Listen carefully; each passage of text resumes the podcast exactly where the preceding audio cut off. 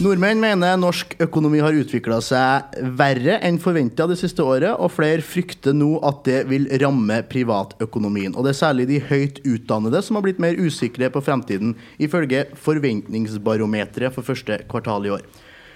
Vi har med oss en ressurs på området i dag. Svein Asle Eggen, du er førstelektor her på BI Trondheim, og relativt god peiling på historie, det vet vi jo, men også relativt god erfaring med denne type statistikk og undersøkelser etter å ha jobba bl.a. i eh, Statistisk sentralbyrå og Norsk Gallup. Eh, og du mener altså at Forventningsbarometeret i Norge er et meget velegna redskap for å varsle slike omslag i de økonomiske konjunkturene? All eh, erfaring som vi har til nå, og det var jo da i all beskjedenhet jeg som brakte denne måleindikatoren til Norge da, på høsten i 1991 og begynte å teste ut den. Ja.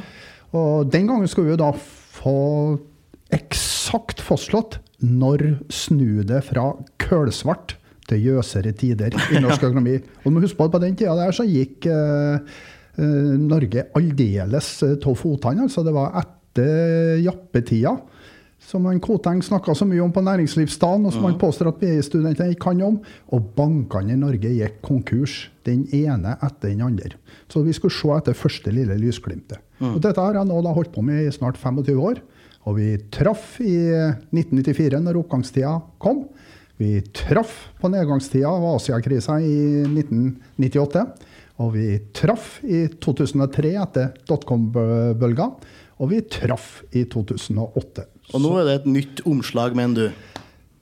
Nå kommer jeg med dårlige nyheter. Ja. Dette er det jævligste jeg noen gang har sett på alle de årene jeg har holdt på.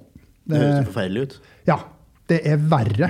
Altså, Vi har aldri hatt dårligere måling i februar noen gang opp gjennom tidene. Det er verre enn i 2008. Det er verre enn i 1998. Og det er mest like ille, eller det er til dels verre, enn det var i 1991-1992.